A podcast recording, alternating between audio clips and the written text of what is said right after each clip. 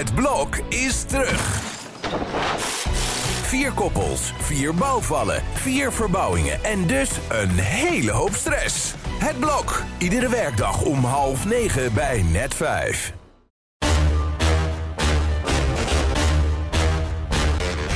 Dit is Strikt Privé, de dagelijkse showbiz-update met Evert Zantegoed en Jordi Versteegden.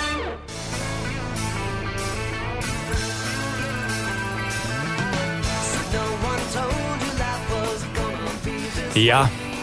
Ja, dit nummer klinkt altijd zo vrolijk, maar het heeft vanaf nu wel een hele lelijke nasmaak. De Rembrandts. Ja, over een tijdje kijk je gewoon weer naar uh, The Friends natuurlijk. Zoals je naar de dikke en de dunne kijkt. En andere uh, filmsterren die zijn overleden. Maar Friends was altijd zo onbezorgd kijken. En nu denk je, ach god, die Matthew Perry. Had hij maar meer genoten van zijn succes, zijn roem en zijn geld. Ja. En uh, had hij daar maar beter mee om kunnen gaan. Zoals die andere vijf eigenlijk. Want die hebben daar geen problemen mee. Maar hij was wat dat betreft de zwakke schakel die daar grote problemen mee had. Waarschijnlijk al iets uit zijn jeugd of heel verslavingsgevoelig pillen, drank, nou wat al niet meer zei. En Nee. ja, vooral als je dan leest hoe vindingrijk die was om aan medicijnen te komen. Daar zijn ze vrij ruim in hoor, in het voorschrijven van medicijnen in Amerika. En dat zijn ook geen doosjes met 12 pilletjes. Het zijn meteen 144 pillen daar in een verpakking. Ja. En eh, daar had hij nog niet genoeg aan. En wat hij dan deed, dat was heel vaak open dagen van eh makelaarsbezoeken. eh, rondstruinen door huizen. En dan als hij, niemand keek, dan haalde hij uit de medicijnkastjes gewoon nog wat stripjes om aan extra dingen te komen. Ja, dan ben je wel heel erg ver heen natuurlijk. Ja, het is dat trieste beeld wat je nu ook de hele tijd terugleest. En wat een impact heeft het nieuws. Het is ongekend, de hele dag bij het koffieautomaat. Iedereen heeft het. Ja, en wat ik ook zo indrukwekkend vind, is die oorverdovende stilte van, van zijn vijf vrienden. Ja. Die gewoon even voor, voor, volstaan hebben met één mededeling samen met Warner Brothers. Jarenlang de producent van de serie. Ja. En die zeggen dat ze heel geschokt zijn en, en iedereen sterkte wensen. En die zullen later nog wel met hun persoonlijke verhalen komen over deze collega die op 54-jarige leeftijd, het is toch werkelijk niks, en ontvallen is. Ja, Ja, en hij wil herinnerd worden als een kerel die zijn leven leidde, die lief heeft gehad en die mensen hielp. Dat heeft hij nog in een interview gek genoeg gezegd. Heel cruel vind ik dat nu om terug te lezen maar goed, hij jaar. wist zelf ook wel dat het natuurlijk niet... De laatste posts die hij allemaal had, waren ook alweer... Dat iedereen zei van, ja, het ging juist beter met hem. Terwijl ik dacht van, nou, ik heb wel vaker geschreven over hem, hoe slecht het ging. Mhm. En dat, ik geloof dat, dat dat toch wel iets heel chronisch geweest is. En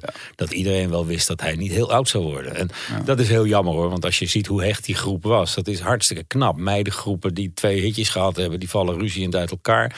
En deze mensen hebben het verstand gehad en de discipline... om gewoon met elkaar het onderste eruit te halen. Tien jaar lang die vriendengroep Friends te spelen. Ja. In eh, Los Angeles trouwens, helemaal niet in New York, wat iedereen altijd dacht. De studio stond in eh, Los Angeles. Ja. En daar woonden ze allemaal. En daar zochten ze elkaar ook wel op. En ik heb wel eens gezegd, Amerikaanse bladen zochten altijd maar naar ruzie achter de schermen. Die kon die niet uitstaan. Die sprak wekenlang niet met die. Maar dat viel in, in principe reuze mee. En wat zij heel goed hadden gedaan, of althans hun, hun manager, is gewoon voor eh, iedereen hetzelfde bedrag afspreken. Op het laatst kregen ze allemaal 1 miljoen per aflevering. Een miljoen En per dat waren aflevering. 28 afleveringen in het seizoen. Dus die zijn ontzettend binnengelopen. Ja. En eh, ja, dat zou de feestvreugde hebben moeten verhogen. Maar ja, het is anders gelopen met hem. En dat is toch wel buitengewoon triest. Iemand die de wereld zo heeft laten lachen en niet van zichzelf hield. dat is wel eh, de showbiz op zijn slechtst. Ik verwacht de komende tijd nog wel een grote herdenking, toch, voor deze grote man. Ergens op de televisie. Dat, dat, dat Ja, geen idee wat de familie wil. En eh, ja, het is eh, vooral, vooral schrikken de afgelopen dagen geweest. We blijven dat nieuws volgen, ook over de doodsoorzaak die nog eh, niet helemaal bekend is. Even naar Good Morning Britain van vanochtend. Want daar Daar was ze weer. Ja hoor.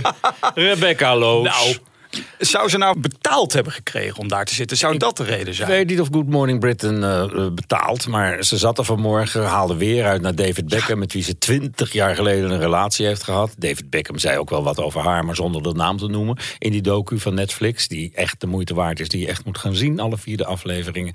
En eh, ik vond dat ze dat keurig deden, maar zij hoort allemaal dingen die ik niet hoor. Dat David Beckham haar de schuld geeft van die relatie. Ze zegt nu bijvoorbeeld, it, take, it takes two to tango. Nou, we hebben een fragmentje. just really bothered me at the little angle at how he had played, how he'd played the narrative, and how misleading it is and how it's making me look like the bad person. And of course, I am also guilty. It takes two to tango. Ja, wat ik zeg, hij noemt de naam niet eens. En hij zegt, hij geeft helemaal niemand de schuld. Hij zegt alleen van dat ze niet weten hoe ze eruit gekomen zijn. Dat het de meest zware tijd was in het huwelijk met Victoria Beckham. Dat vond ik ook niet zo verrassend. Ja. Maar dat het te sprake kwam in een serie over je leven, dat vind ik niet zo gek. Want het heeft het, het wereldnieuws beheerst toen tien dagen lang of zo. In een tijd dat de wereld zich met niks anders bezig hoefde te houden. Volgens mij moest ze zichzelf gewoon weer gaan opsluiten in dat yoga-hutje van der in, In in Noorwegen, ja. En eh, dan wordt het vanzelf vergeten. Maar Ze zitten hetzelfde boel op te kloppen en, Ja. en zichzelf weer in de kijker te werken. Maar eh, dat, het maakt er niet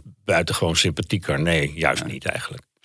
Ik eh, heb dit weekend zo genoten van het schaatsen. En dan zul je zeggen, Jordi, jij een schaatsen? Nee. Nou, ik, ben- ik, ik heb er eigenlijk helemaal niks mee. Maar gewoon het beeld van eh, het, hè, de nieuwe partner van Jutta Leerdam. Paul op de, met zijn Ja. schoonouders op de tribune de hele middag lang. En ik vind niks zo stond vervelend om te kijken als schaatsen. Want die, echt, het zijn altijd elke week dezelfde mensen. Elke week de, de- Hetzelfde rondje. ja, het is Max Verstappen, maar dan langzaam. Ja. En het is, eh, ja, het, ja, maar hij was wel opzien, opzienbarend dat hij er was. Voor Ja. het eerst in een ijsstadion, voor haar helemaal overgekomen. Met zijn hele team, met een cameraploeg. Want ja, die tientallen miljoenen volgers van hem op de verschillende social media... die moeten allemaal bediend worden van het laatste wat hij natuurlijk meemaakt. Ja. Maar eh, ja, het, het, het- het was wel opzienbarend. Toen hij ook nog tegen Shownieuws zei dat hij ging trouwen met haar... toen was het eh, geluk van iedereen compleet natuurlijk. Want ja, Nou. je ziet wel hoe verliefd ze zijn, zeg. Ja, ze hebben veel voor elkaar over. Want eh, Jake Paul is aan het trainen voor een grote bokswedstrijd in Amerika. Maar hij heeft dus nu ook zijn hele team met koks en trainers en zo... heeft hij naar Nederland over laten vliegen... zodat hij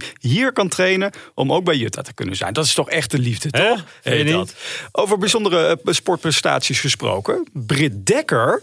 Nou, die is gewoon Europees kampioen dressuur geworden dit Ja, weekend. maar wel in een buitencategorie. Het is niet dat eh, de, nieuwe Ankie van Gunsven Oh. ineens eh, is. Nee, het, het- ze weten het leuk. Maar je zag al aan die vlaggetjes waarmee gezwaaid werd... dat dat niet gewoon de grote kampioenschappen waren... waar eh, Bonfire destijds zijn triomf haalde. Het is hartstikke knap dat ze dat doet naast de tv-werk en alles. En Ja. heel leuk dat ze de hobby gevonden heeft. Maar het is nog niet dat ze... dat- dit was in Parijs, geloof ik. Ja. Het is nog niet dat ze in Parijs kan blijven...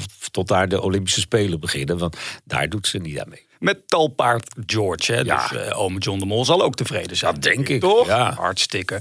Jij de- was dit weekend nog onder de indruk van een berichtje van Olaf Koens op zijn Instagram-pagina. Ja, nou ja, het is allemaal verschrikkelijk nieuws natuurlijk wat er allemaal op je afkomt. En daar doet hij verslag van en dat zal heus aan hem vreten. En hij kwam aan op Schiphol en daar zat, zoals hij zei, een fris geschoren eh, medewerker van de Marechaussee.